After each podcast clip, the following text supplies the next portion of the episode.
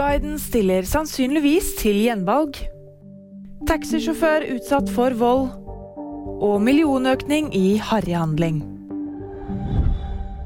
USAs president Joe Biden sier at han sannsynligvis vil stille til gjenvalg i presidentvalget neste år. I et intervju med PBS NewsHour sier Biden at han ennå ikke har tatt en fast beslutning, men at planen hans er å stille på nytt.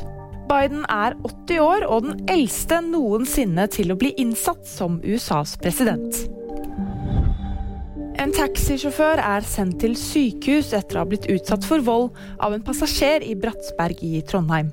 Politiet er på stedet og foretar undersøkelser, og en mann er pågrepet, skriver politiet i Trøndelag på Twitter.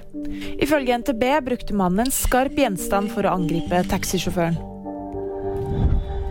Både Nordby supermarked og Maximat har hatt historisk høy omsetning den siste uka. Dette skjer etter at de norske matvarebutikkene satte opp prisene.